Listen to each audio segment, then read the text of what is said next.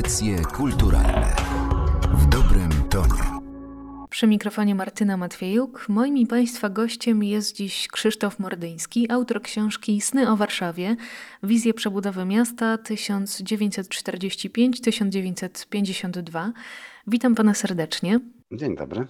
To książka powstała z pasji historyka, uwielbienia architektury czy miłości do Warszawy? Chyba ze wszystkich trzech rzeczy równocześnie. Tak, jestem historykiem i, i, po prostu historia mojego miasta, Warszawy, mnie pasjonuje. A ponieważ e, równocześnie pisałem doktorat o marszałkowskiej dzielnicy mieszkaniowej, więc i te wszystkie tematy, które łączyły się z odbudową miasta po wojnie, z przebudową, naprawdę zagmatwane sprawy, dylematy, całe tło budowy tej jednej dzielnicy, ale w sumie dzielnicy jako fragmentu miasta, to wszystko mnie pasjonowało i z tego po, narodził się po prostu pomysł napisania książki, już nie jako doktoratu, ale po prostu jako książki, która dalej byłaby książką historyka, ale równocześnie no, troszeczkę lżejszej gatunkowo, która opowiadałaby o tym całym tle przebudowy Warszawy po wojnie. I to przedstawia Pan w książce z perspektywy architektów urbanistów mierzących się z całą masą trudności, między innymi z dylematem dotyczącym kolejności wykonywanych prac. No trudno jest budować idealne miasto przyszłości, realizować dalekosiężny plan, jeśli brakuje po prostu dachu nad głową. Czy biorąc pod uwagę te wszystkie przeciwności, często również polityczne. Powiedziałby pan, że ten wielki eksperyment, jakim była przebudowa Warszawy, powiódł się, zakończył się sukcesem? Wydaje mi się, że możemy znaleźć dużo pozytywów, natomiast tak jak to z eksperymentami bywa, jest o czym dyskutować. Przede wszystkim musimy na Warszawę, tą, którą znamy, spróbować spojrzeć troszeczkę z innej perspektywy niż ta, którą zazwyczaj patrzymy, jako ludzie albo mieszkający w niej od urodzenia, czy też przybywający do niej na którymś etapie swojego życia, kiedy patrzymy na nią i traktujemy ją jako dzieło skończone. Otóż ten cały eksperyment miał odmienić Warszawę taką, jakiej nie znamy, taką, jaką no już zdecydowana większość nas nie pamięta, i zamienić ją w coś e, innego. Dopiero w tym kontekście właśnie odniesienia do przeszłości można zrozumieć, na czym polegał ten eksperyment, może jakie były jego cele. To jest przede wszystkim to, o czym piszę w książce. Chyba takim podstawowym aspektem, o którym warto porozmawiać, jest nowy plan Warszawy. Z jednej strony wydarzyła się ogromna tragedia, miasto zostało zburzone, niemal zrównane z ziemią, ale z drugiej, w kontekście urbanistyki, to też pewna szansa dziejowa. I ten nowy plan wynikał z geograficznego i historycznego położenia miasta, i to jest y, niezwykle ciekawe. Myślę, że wielu mieszkańców nie zdaje sobie z tego sprawy, w oparciu o co powstała ta logika nowego układu przestrzennego stolicy. Powiedziała Pani właśnie o tej logice, i to jest chyba to, co jest bezsprzecznie najpiękniejsze w tej całej historii, bo efekty odbudowy, przebudowy mogą być różnie oceniane. Tam jest jeszcze przecież to straszne tło polityczne. Natomiast to, co w mojej książce, na, czym chciałem się skupić, na czym chciałem pokazać czytelnikowi, to jest właśnie ta bezsprzecznie pozytywna, intelektualna sprawa, czyli przemyślenie całego tej koncepcji nowego miasta. Architekci urbaniści przedwojenni i ci, którzy później odbudowywali Warszawę, mieli wiele zastrzeżeń do, do przedwojennego miasta. Ale przede wszystkim podstawową kwestią było to, że ono było właściwie tworem przypadku. Po prostu narastało samo. I w momencie, kiedy oni dysponowali już dzięki rodzącej się urbanistyce jako nauce, potężnym aparatem badawczym, analitycznym, a równocześnie możliwością działania takiego przemyślanego, to ich marzeniem było stworzenie przemyślanej struktury miasta. I tym podstawową rzeczą miała się różnić Warszawa powojenna od tej przedwojennej. I tutaj ta logika wchodziła w grę, kiedy oni czuli się po prostu takimi twórcami ładu w miejsce chaosu. I podstawowe pytanie, jak będziemy odbywać Warszawę? Urbaniści szukali jakiegoś elementu, który by tworzył przez wieki tożsamość Warszawy. I, oni doszli do wniosku, że tym elementem jest skarpa warszawska. Warszawa oczywiście mówi się, że leży nad Wisłą, no ale ta Wisła Wisła u nas akurat specyficznie leży w dole, natomiast w Trakt Królewski, najważniejsza nasza ulica historyczna w Warszawie, ona biegnie wzdłuż skarpy w pewnym oddaleniu, ale jest uwarunkowana. I to jest właśnie ten motyw, wokół którego urbaniści przestrzennie oparli przebudowę Warszawy. Że mamy dwa układy, po prostu jeden biegnie wzdłuż skarpy, a drugi tę skarpę prostopadle przecina. I tak powstaje ruszt podstawowy ulic Śródmieścia. No i, i wokół tego rusztu można budować później kolejne dzielnice Warszawy. Takim sformułowaniem, które wielokrotnie pojawia się w książce, jest y, miasto maszyna. Architekci, którzy po wojnie znaleźli się w biurze odbudowy stolicy, już w latach dwudziestych byli zafascynowani tą ideą. Co ona zakładała dla odbudowującej się Warszawy? To też chciałem przekazać e, czytelnikom tę wiedzę, trochę zdumienie, zachwyt architektów, urbanistów. To jest właśnie to, że ich pomysły na przebudowę Warszawy w dużej mierze były ukształtowane przez to, co było przed wojną. Natomiast e, ten okres dwudziestolecia międzywojennego to jest moment, kiedy Polska wchodzi zupełnie na nową ścieżkę rozwoju, kiedy cała Europa, w ogóle nasza cywilizacja poddaje się no, pewnemu prądowi technologii. XIX wiek był wiekiem wynalazków. Wydawało się w XIX wieku, że ludzkość po prostu osiąga niesamowite wyżyny y, intelektu i technologii. Okazało się, że XX wiek wyskoczył jeszcze bardziej i prawdopodobnie XXI jeszcze to pobije. W każdym razie XX wiek, okres międzywojenny, to jest właśnie okres też zachwycenia się maszyną, czyli wytworem umysłu człowieka, wszystkim tym, co nam pomaga. Architekci, urbaniści chcieli także to zastosować do miasta. Czyli jeżeli dzisiaj mówimy o inteligentnych domach, to wtedy oni mówili o mieście maszynie, czyli takim mieście, które będzie działać sprawnie jak najwspanialsza maszyna, ponieważ maszyny, ciągle używam słowa maszyny, ale chodzi tu po prostu o, o samoloty, o kolej, o olbrzymie statki, które się wtedy budowało. Polska była z tego dumna. To jest elektryfikacja, to jest wszystko to, co sprawia, co dzisiaj jest dla nas często już w ogóle rzeczą oczywistą, a to sprawiało, że ich życie stawało się lepsze, lżejsze i milsze. To wszystko trzeba przekuć na potrzeby człowieka. Wtedy urbaniści uważali, że miasto powinno być ułożone w pewne strefy. To była po prostu modernistyczna myśl urbanistyczna, gdzie mamy strefy mieszkania, oddzielne od stref pracy, żeby one się nie mieszały. W tej przedwojennej Warszawie czy we wszystkich miastach, w większości miast europejskich te strefy były przemieszane i osobną strefę wypoczynku. I to jest równocześnie myślenie o tym, jak zorganizować przestrzeń, żeby ona pozytywnie wpływała na życie ludzi. No, urbaniści mieli taką myśl i taką nadzieję, że oni organizując miasto przestrzennie będą pozytywnie wpływać na życie ludzi, na ich codzienną jakość życia. W pewnym momencie jednak y, ta koncepcja musiała się zmierzyć z socrealistyczną wizją rzeczywistości. Oczywiście ona nie dotyczyła tylko architektury i planowania miast, ale powstał sześcioletni plan odbudowy Warszawy. Po 1956 roku y, ta wizja urbanistyczna znowu wkroczyła na tory modernistyczne, ale gdybyśmy tak sobie pofantazjowali i wyobrazili sobie Warszawę, w której ziściły się te wszystkie założenia planu sześcioletniego, to jak ona by wyglądała? I jakie charakterystyczne punkty znaleźlibyśmy na jej mapie? Tych punktów charakterystycznych byłoby dosyć wiele. Dlaczego? Dlatego, że mm, różnica między tym miastą maszyną a miastą kompozycją, tak e, to staram się nazwać to socjalistyczne miasto, leżała w przesunięciu pewnego akcentu. Mm, najpierw ta myśl urbanistyczna przebudowy Warszawy koncentrowała się wokół tego właśnie, żeby traktować elementy miasta jako te koła zamachowe maszyny. One mogą być oddzielnie, czyli oddzielnie mamy te wszystkie dzielnice. Mm, one są połączone takimi prężnymi arteriami e, ruchu.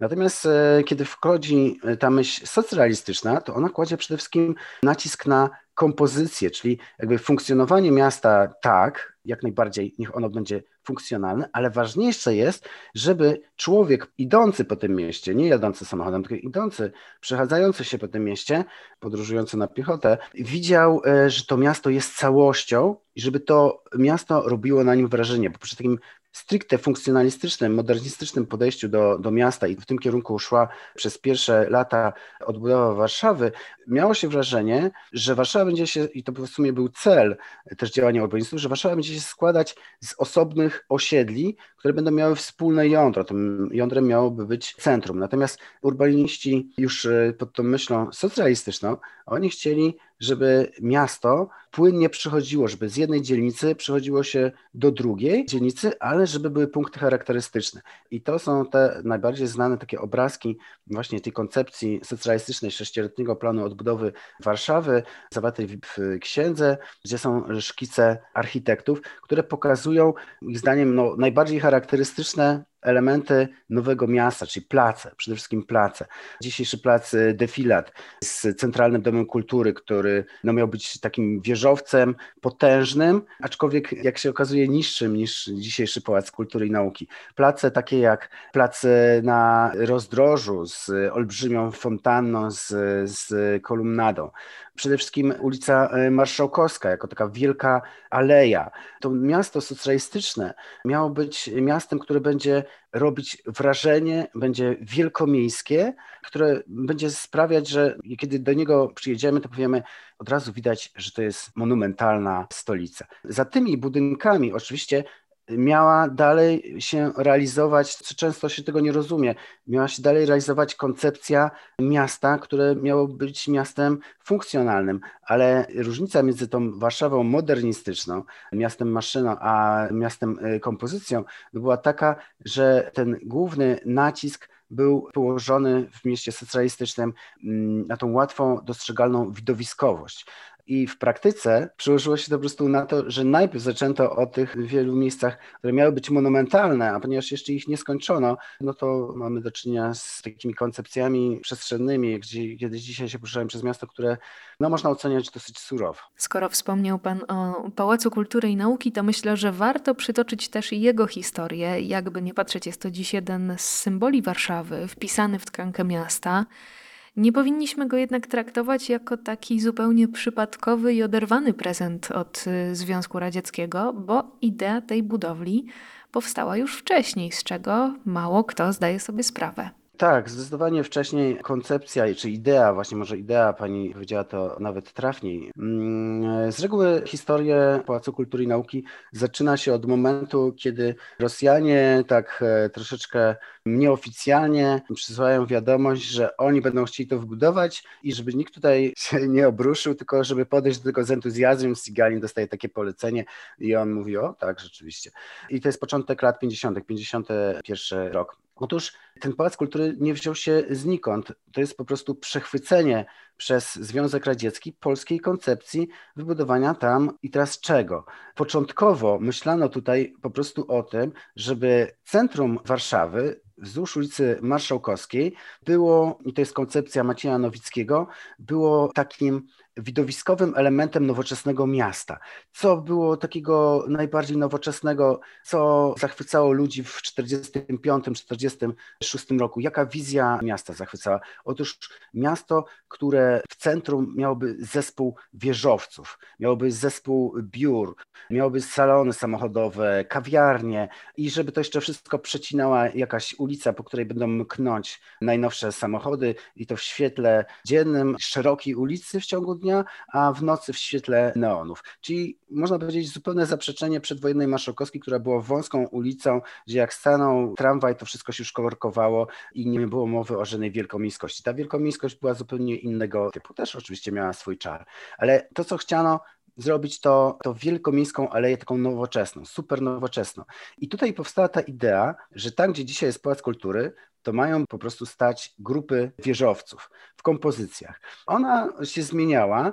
Kiedy wprowadzono socrealizm, no to zauważono, że to nie chodzi o to, żeby miasto było miastem bankierów, bo nie żyjemy już w takim ustroju, tylko miasto ma być miastem przede wszystkim dla ludzi. Tak to określano. No tutaj ten społeczny cel przebudowy Warszawy nie był nigdy kwestionowany, tylko był po prostu troszeczkę inaczej realizowany, później raczej jako hasło propagandowe.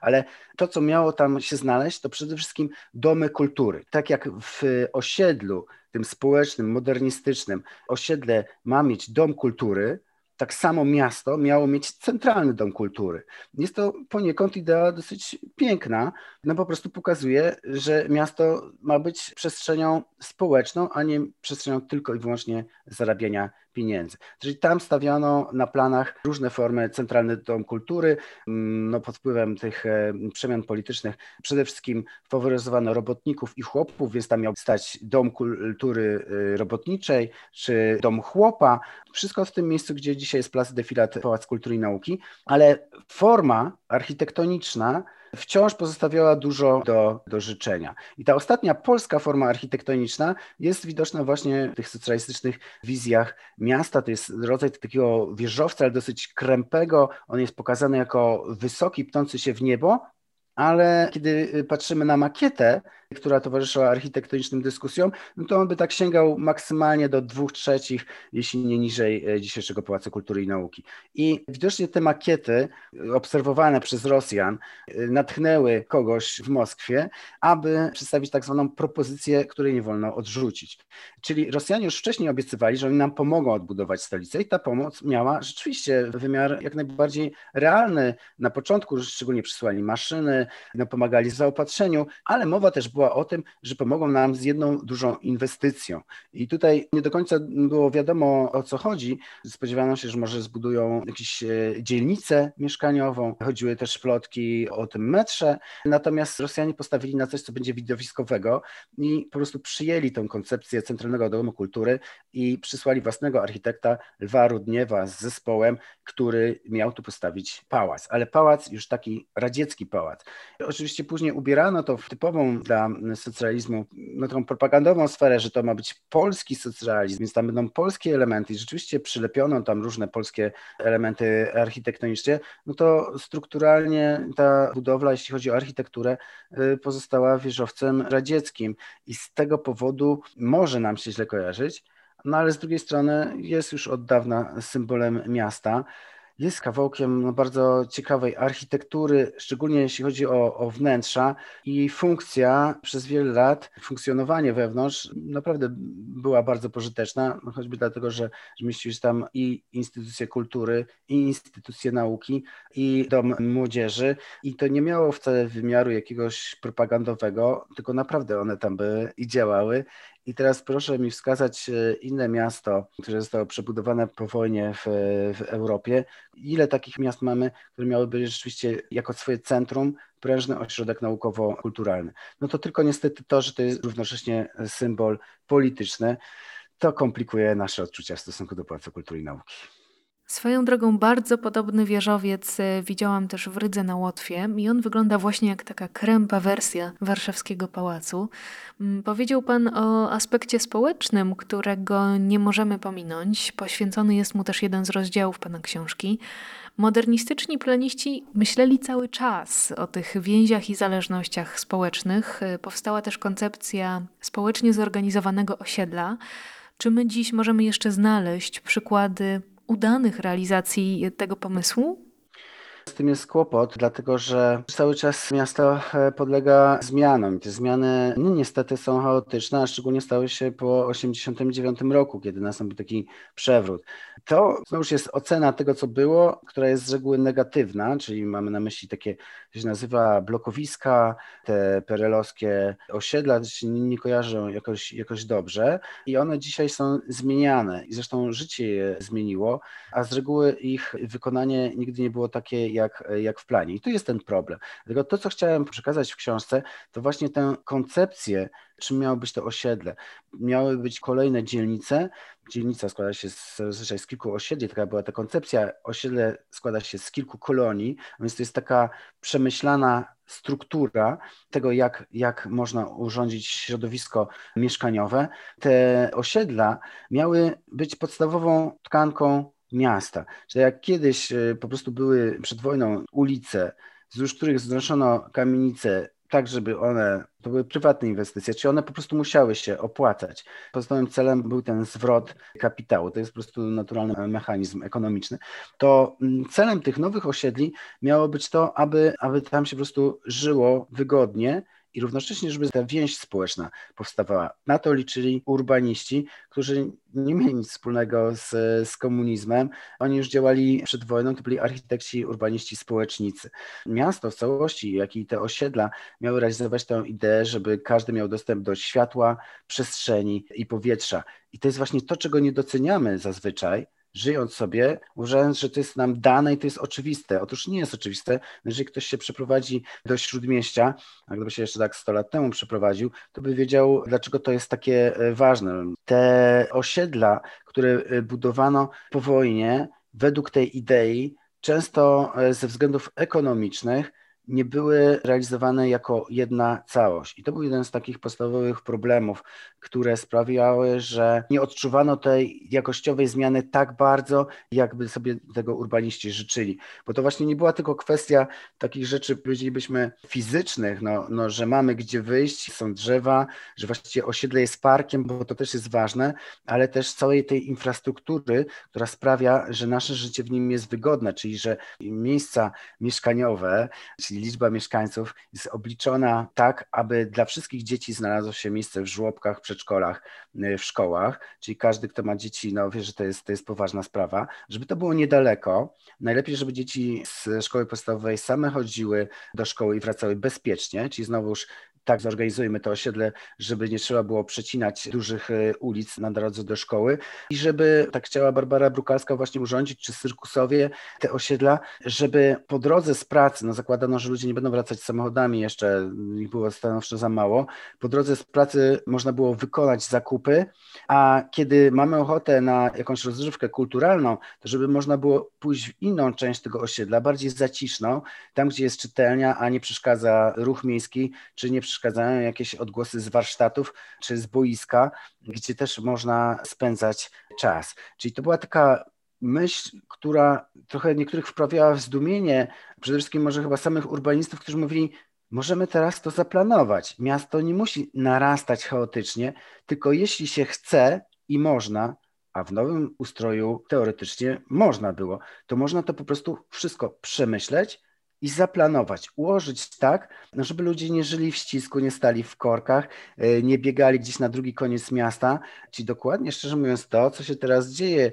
kiedy nie ma miejsca w przedszkolu, to trzeba jechać e, na drugi koniec miasta. Stoimy w korkach, mówimy, nie ma gdzie wyjść z psem, są wszędzie płoty. Oni mówi, to można zaplanować inaczej. To miasto zostało zaplanowane i niestety teraz poprzez różne no, nasze współczesne decyzje te walory pozytywne znikają, natomiast pozostają pewne negatywne rzeczy i one zaburzają trochę nasz sąd o przeszłości. To mówiąc ostatnimi słowami pana książki, dobrze by było, gdyby współcześni planiści i inwestorzy od czasu do czasu przypominali sobie o założeniach modernistów. Krzysztof Mordyński, autor książki Sny o Warszawie, Wizja przebudowy miasta 1945-1952, był dziś moim i państwa gościem w audycjach kulturalnych. Dziękuję za tę rozmowę.